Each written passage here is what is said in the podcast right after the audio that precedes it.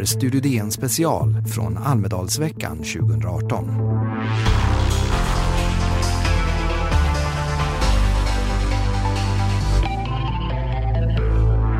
Välkomna till DN i Almedalen. Idag har vi besök av partiledaren som Debuterade i Almedalen 2012. Då talade hon om hur alliansprojektet tappat glöd. och förra året lovade hon att Alliansen skulle sluta spela defensivt och börja anfalla. Partiledaren som har varit med om högt och lågt i opinionsmätningarna. Senaste Ipsos-mätningen visade på 10 procent. Och igår fick hon testa en ny roll i Almedalen som fotbollskommentator. Under flera säsonger var hon själv målvakt i IFK Värnamo. Joar Bendjelloul heter jag. Och jag heter Karin Eriksson. Välkommen hit, Annie Lööf. Tack så mycket. Vad är det viktigaste du vill ha sagt i Almedalen? Det är att Sverige behöver en svensk nystart eh, och eh, att vi behöver bland annat då ett integrationsår eh, där man snabbare och effektivare lär sig det svenska språket, kommer i yrkespraktik, där vi tar inspiration från länder som Kanada, Danmark och Tyskland som har lyckats mycket bättre med integrationen än vad vi har. Vi tittade lite på det där integrationsåret. Det handlar ju då om koncentrerade studier i svenska och praktik och det ska då handla om 50 timmar i veckan. Eh, Den som har barn, hur skulle det livspusslet gå till? Vi har ju, eh, alltså de nyanlända som kommer till Sverige eh, ser ju olika ut och har olika erfarenheter. En del kommer ju hit och är utbildade civilingenjörer, läkare, lärare. De ska ju snabbvalideras, lära sig yrkessvenskan och komma i arbete. Det finns ett antal som kommer hit som inte har någon skolbakgrund.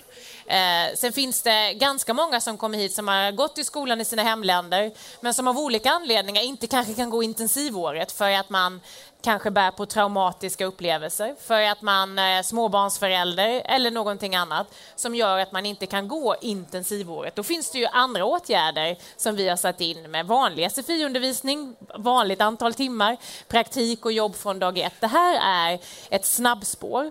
Det här är ett intensivår där man eh, gör det mycket, mycket snabbare för att på det sättet minska frustrationen bland många som är ivriga att vilja komma in i arbete. Just det, men den här, eh, det här är ju en stor satsning ni gör och den... eh, Inte den största, ja, men nej, men den är lite... Ja. Alltså, hur stor är risken att det kommer att bli en satsning mest för män?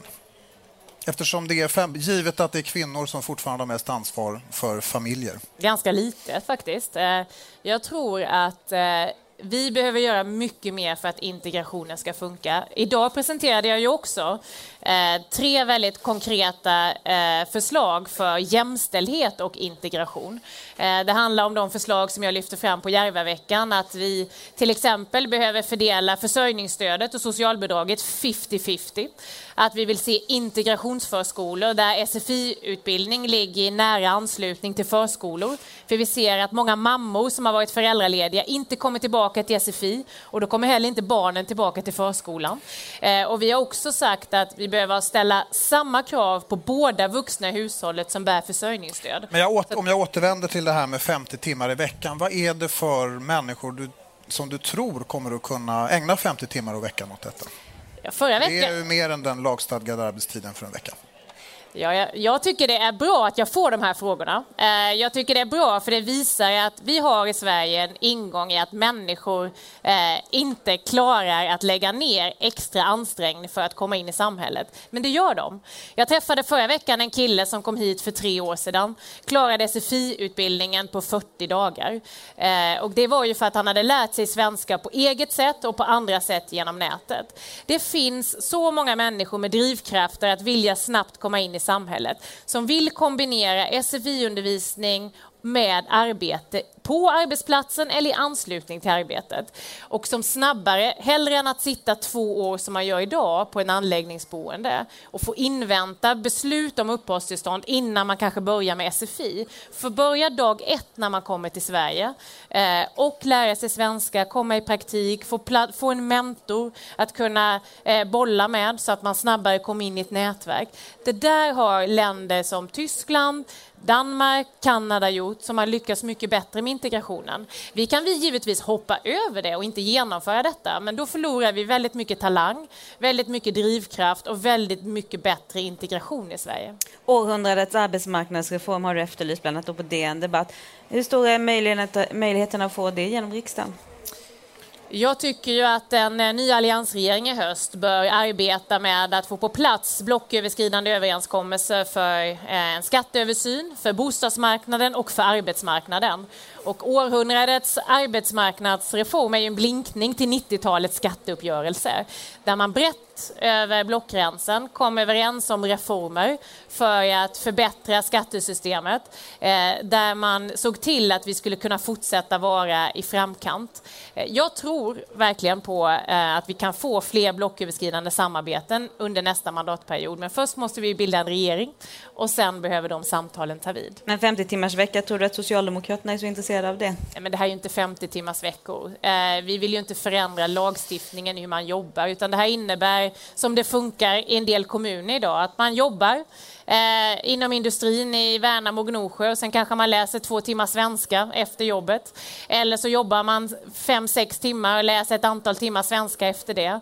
Det handlar ju om att det finns ett antal som har möjligheten att vilja mycket snabbare komma in i samhället och då tycker jag att vi ska möjliggöra för det. Vi ska ställa högre krav på de nyanlända som kommer hit men jag tycker att de nyanlända som kommer till Sverige också ska ställa mycket högre krav på samhället och oss politiker. Vi ska ha ett litet parti med lite kortare frågor sådär och då har vi också ett önskemål om lite kortare svar. Vi får se hur det går med det. Eh, bör Svenska Akademin upplösas? Det här är en fråga för Svenska Akademin som jag som politiker inte tänker ta över. De får sköta det där själv. Du iklädde dig knytblus eh, i samband med när diskussionerna om de här maktkamperna gick höga. Eh, vad har du för synpunkter på maktkamperna i Svenska Akademin? Jag tycker det är förfärligt att ha sett från sidan hur man har eh, behandlat eh, Sara Danius, eh, hur man har hållit varandra om ryggen. Eh, och eh, det har ju varit under decennier som det här har pågått. Många har vetat om de sexuella trakasserier eh, som har förekommit och man, att man inte under någon gång under den här tiden har gjort någonting åt saken gjorde att jag den dagen eh, bar knytblus till stöd för Sara Danius och det arbete som hon faktiskt initierade. Samtidigt så är ju Svenska Akademin en, en sluten organisation. Vi har, vet inte allting som har försiggått. Tycker du att du har tillräckligt med faktaunderlag underlag för att kunna ta ställning? Ja, jag känner att jag har tillräckligt med eh, faktaunderlag för att kunna ta ställning i sån självklar fråga att jag tycker inte att man avsätter en, eh, en eh, ständig sekreterare när det finns så många män dessförinnan som har vetat om men inte gjort någonting. Hur vet du att det var just det som hände? Jag utgår ifrån att de medieuppgifter som bland annat Dagens Nyheter har skrivit om eh, är verifierbara och eh, jag tycker att eh, man då kan stå upp för jämställdheten. Mm. Washington Post konstaterar att hela världen har satt, satt ett sammantaget globalt värmerekord den här veckan. Det är ju inget bevis i sig för att den globala uppvärmningen existerar, men om man lägger ihop det värmerekordet med andra värmerekord, då börjar man få många tecken på det extremväder som forskarna varnat för i med det de ser som klimatförändringarna. Ni har ju profilerat er som Alliansens gröna röst, miljösamvetet. Vad är det enskilt viktigaste vallöftet för att motverka de här klimatförändringarna? Det är bland annat det som jag inledde min Almedalsvecka med i måndags då jag hade en stor presskonferens och presenterade åtgärder för ett renare Östersjö som vi ser här utanför. Ett renare hav med en blå miljard mer till att rena hav, sjöar och vattendrag till att säkra dricksvattentillgången. Det handlar om att minska övergödningen i Östersjön. Det handlar om att fasa ut engångsartiklar av plast. Det är en viktig del. Den andra viktiga delen i miljö och klimatpolitiken handlar om att minska klimatutsläppen. Att ställa om hela transportsektorn. Där har vi en jätteutmaning på bilsidan och lastbilssidan eh, som fortfarande står för majoriteten av de stora utsläppen. Här har vi föreslagit en grön bilbonus eh, till exempel. För, eh, vi har också föreslagit mer pengar för att få mer förnybart. Eh, så de två områdena kommer vara våra främsta områden när vi går till val. Du talar mycket om eh, blocköverskridande överenskommelser. Eh, vad i miljöpolitiken skulle ni skarpt kunna komma överens om oavsett eh, hur det går i valet? Väldigt mycket. Alltså, vi har ju en eh, klimat och miljöuppgörelse i stort sett mellan alla partier som vi har gjort upp sedan många år tillbaka som handlar om att eh, eh vi har kommit överens om långsiktiga mål och kortsiktiga mål. Alla partier i stort sett står bakom klimatramverket som nu är infört. Eh, vi sitter i miljömålsberedningen och har kommit fram med långsiktiga mål. Väldigt många av sakförslagen finns det också stor samsyn kring. Så finns det ett antal frågor där vi skiljer oss åt. Eh, men jag tycker också att det är viktigt i miljö och klimatpolitiken att lyfta allt det som vi är överens om. Sen är det ju en hel del symbolfrågor som vi debatterar emellanåt, men då glömmer man ju bort allt det där som vi faktiskt är överens om och som vi genomför i praktiken. Du är inte främmande för att skapa polemik mot just Vänsterpartiet eller Miljöpartiet i de här frågorna. På vilket sätt gynnar den polemiken klimatet?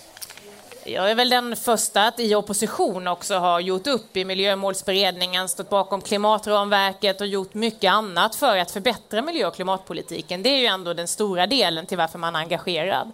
Sen finns det ju en del eh, eh förslag som regeringen har lagt som inte leder till resultat och effekt för miljön och klimatet. Där kommer jag fortsatt ha en stor debatt eh, där vi har bättre förslag som leder till sänkta utsläpp eller mer förnybar energi. Men skulle du vilja se mer av blågrönt samarbete även då över blockgränsen med Miljöpartiet? Jag tror ju även att framtiden behöver innehålla att man gör upp i miljö och klimatpolitiken mellan Alliansen och de nuvarande regeringspartierna. Alltså att vi behöver säkra långsiktiga målsättningar eh, som ett ansvarstagande land. Det har gällt eh, under många år eh, hittills och det kommer gälla under många år framåt.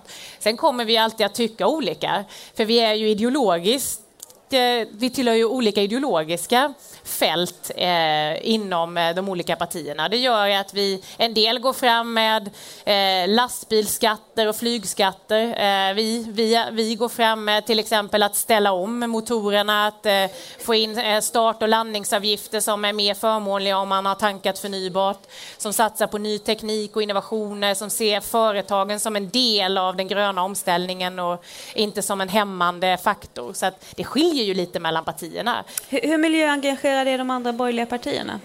Jag skulle säga mycket. Eh, inte minst när vi ser vad vi faktiskt genomförde när vi hade chansen sist mellan 2006 till 2014. Då placerade vi oss som bäst i EU på förnybar energi. Utsläppen minskade samtidigt som tillväxten ökade till exempel. Eh, vi gjorde stora förändringar genom att införa miljöbilsbonus. Eh, vi såg till att vindkraften tiodubblades. Eh, det var ju givetvis väldigt mycket av det på inrådan och initiativ från Centerpartiet, men det fanns ju en stor uppbackning från de andra allianspartierna också.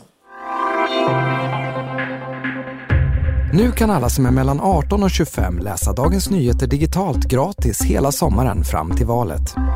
Registrera dig på dn.se ungdom och börja läsa redan idag. Prenumerationen avslutas automatiskt den 15 september. Välkommen till Dagens Nyheter.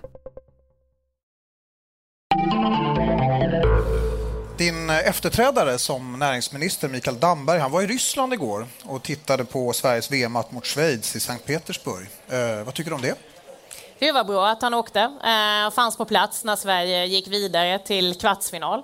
Eh, och eh, jag tror att ganska många som älskar fotboll och följer fotboll tycker att det var bra att eh, regeringen fanns på plats och hejade bytte, fram landslaget. Att man bytte princip då, att det inte var aktuellt i början men att det blev det när det vankades åttondelsfinal. Vad tänker du om det?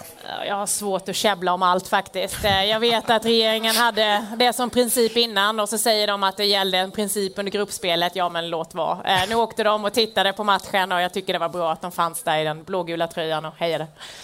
Då återvänder vi blicken bakåt till, till Alliansen och, och ett ämne som ofta återkommer, migrationspolitiken. Häromdagen så sa Ulf Kristersson i DN att jag ser delar i Centerpartiets politik som jag inte kan göra till Moderaternas. Nu har vi dig på scenen. Hur stor är skillnaden mellan Moderaternas och Centerpartiets migrationspolitik? Men jag tycker faktiskt att eh, Ulf eh, förstorar de där skillnaderna. Eh, jag hade gärna sett att Alliansen tog ansvar och kom överens om en gemensam migrationspolitik som var den, den allianspolitiken kommer ju inte bara vara Centerpartiets, den kommer inte bara vara Moderaternas, utan den kommer som i precis alla andra områden vara en mix mellan fyra allianspartiers politik. Och det som är den stora skillnaden här emellan, det är ju frågan om familjeåterförening, om barn ska få återse sin mamma och pappa igen. Här är det ju tre allianspartier som driver på L, KD och C som vill se familjeåterförening igen. Och jag har så svårt att förstå vad som är ansvarslöst i det. Eh, och eh, det är ju därför som det är viktigt att vi enas om en migrationspolitik som är både medmänsklig och humanistisk men också ha stram kostnadskontroll och stå för ordning och reda. Jag gör det gärna innan valet, men går inte det så behöver vi göra det efter valet när vi sitter i regering tillsammans. Men sammantaget så är det skillnaderna är större retoriskt än i praktiken. Ja, men jag tror det. Eh, för att eh, vi var ju, för bara något år sedan så slöt vi ju en blocköverskridande överenskommelse på migrationen mellan sex partier. Alliansen och de nuvarande regeringspartierna. Eh, och det är ju grunden för kommande alliansförhandlingar. Alla alliansens fyra partier har skrivit i sina budgetmotioner att det är den överenskommelsen som är grunden och startpunkten för överläggningar oss emellan. Man skrev det så sent som nu i våras och det är klart att det är ju plattformen. Eh, där gjorde Centerpartiet en del eftergift i den uppgörelsen och eh, politik handlar ju om att kompromissa. Men vi kompromissar ju inte om eh, Eh, rätten att söka asyl till exempel. Vi vill att mammor och pappor ska få åt sig sina barn och det kommer fortsatt vara viktiga delar för oss när vi går in i förhandlingarna. Men om man ska förstå de här förhandlingarna, vad som möjligen kan bli utfallet av dem, det spelar ju också roll hur viktig olika frågor är för ett parti. Hur viktig är migrationsfrågan för Centerpartiet? Det är klart att frågan om medmänsklighet och rätten att få söka asyl och stå upp för grundläggande mänskliga fri och rättigheter är ju en jätteviktig fråga. Samtidigt så eh, vet vi att eh, den frågan eh, eh kommer ju vi att få göra upp om, vare sig vi vill det eller inte, efter nästa val. Vi kommer ju få förmodligen se en parlamentarisk beredning där alla partier sitter. För Sverige behöver ju ha en långsiktig permanent migrationslagstiftning. Så för Centerpartiets del i valet så kommer vi ju att lyfta fram eh, frågor som handlar om integration, frågor som handlar om miljö och klimat, frågor som handlar om kortare vårdköer, fler poliser i hela landet. Det är ju också stora samhällsproblem som människor runt om i Sverige upplever nu. Eh, och vi har ju fokuserat väldigt mycket på migrationsfrågan de senaste åren. Det är en viktig fråga, men det finns fler samhällsproblem som behöver svar och där Centerpartiet har svar. Samtidigt kommer man ju behöva svar på en del av detta. Eh, den tillfälliga lagen, om vi nu talar att det skulle bli en sån lösning med en parlamentarisk beredning, ska man då förlänga den tillfälliga lagen? Under tiden. Den som går ut den 19 juli tror jag, 2019. Ja, den här tillfälliga lagen, det har ju varit många tillfälliga lagar den här mandatperioden eh, som ligger på varandra. Och den stor... Vi koncentrerar oss på den här. Ja, men den stora tillfälliga lagen då som röstades igenom för två år sedan eh, med hjälp av eh, S, MP, M och Sverigedemokraterna. Den går ju ut eh, nästa sommar. Mm. När vi nu, eh, om vi nu då drar igång en parlamentarisk utredning eh, och de inte kan slutföra sitt arbete eh, det kommande året, ja, då utesluter inte jag att man under den tiden förlänger den tillfälliga lagen. Men, och det är ett stort men, då är det ju viktigt under en sån förlängning att man möjliggör för särskilt dömande omständigheter och möjligheten till familjeåterförening. För det kan ju inte vara så att man sätter flera års, utre att flera års utredningsarbete ska sätta paus på möjligheten för mammor och pappor att få träffa och återse sina barn. Om vi ska tala lite om utgå från de som faktiskt eh, funderar på att söka asyl i Sverige. Vilket råd skulle du ge till en person som funderar på att eh, söka asyl i Sverige eller något annat land i Europa? Ja, att eh, söka asyl. Mm. så att säga, alltså, vi har ju, jag vill ju att EU ska ha en gemensam migrationspolitik. Det har viss uppförsbacke nu, har vi märkt senaste veckorna när eh, olika länder stretar emot för att få en gemensam migrationslagstiftning. Men det bästa hade varit om vi hade en solidarisk fördelning eh, mellan asylsökande. Ja, just det. Så brukar ni ofta svara ja, men det är ju svaret är på detta. Inte, men, eh, men det du... svaret har ju inte kommit. Nej, det, svar, och det, det, var därför jag sa att det hade varit det bästa. Mm. Nu är det ju inte så, utan då kommer vi fortsatt att eh, få ha enskilda länder som man kommer till. Och när man kommer till Sverige, eh, då borde man, får man ju först fundera på, har jag asylskäl? Mm. har jag det ska jag givetvis söka asyl, eh, få det prövat. Eh, har jag inte det kanske man ska fundera på har jag möjligheten att få ett jobb här och kunna försörja mig själv? Ska jag istället för att söka asyl bli arbetskraftsinvandrare? För det är ju en annan möjlighet att komma till Sverige om man har ett jobb och kan försörja sig själv. Men skulle du kunna uppmana en person med tydliga asylskäl, kom hit till Sverige?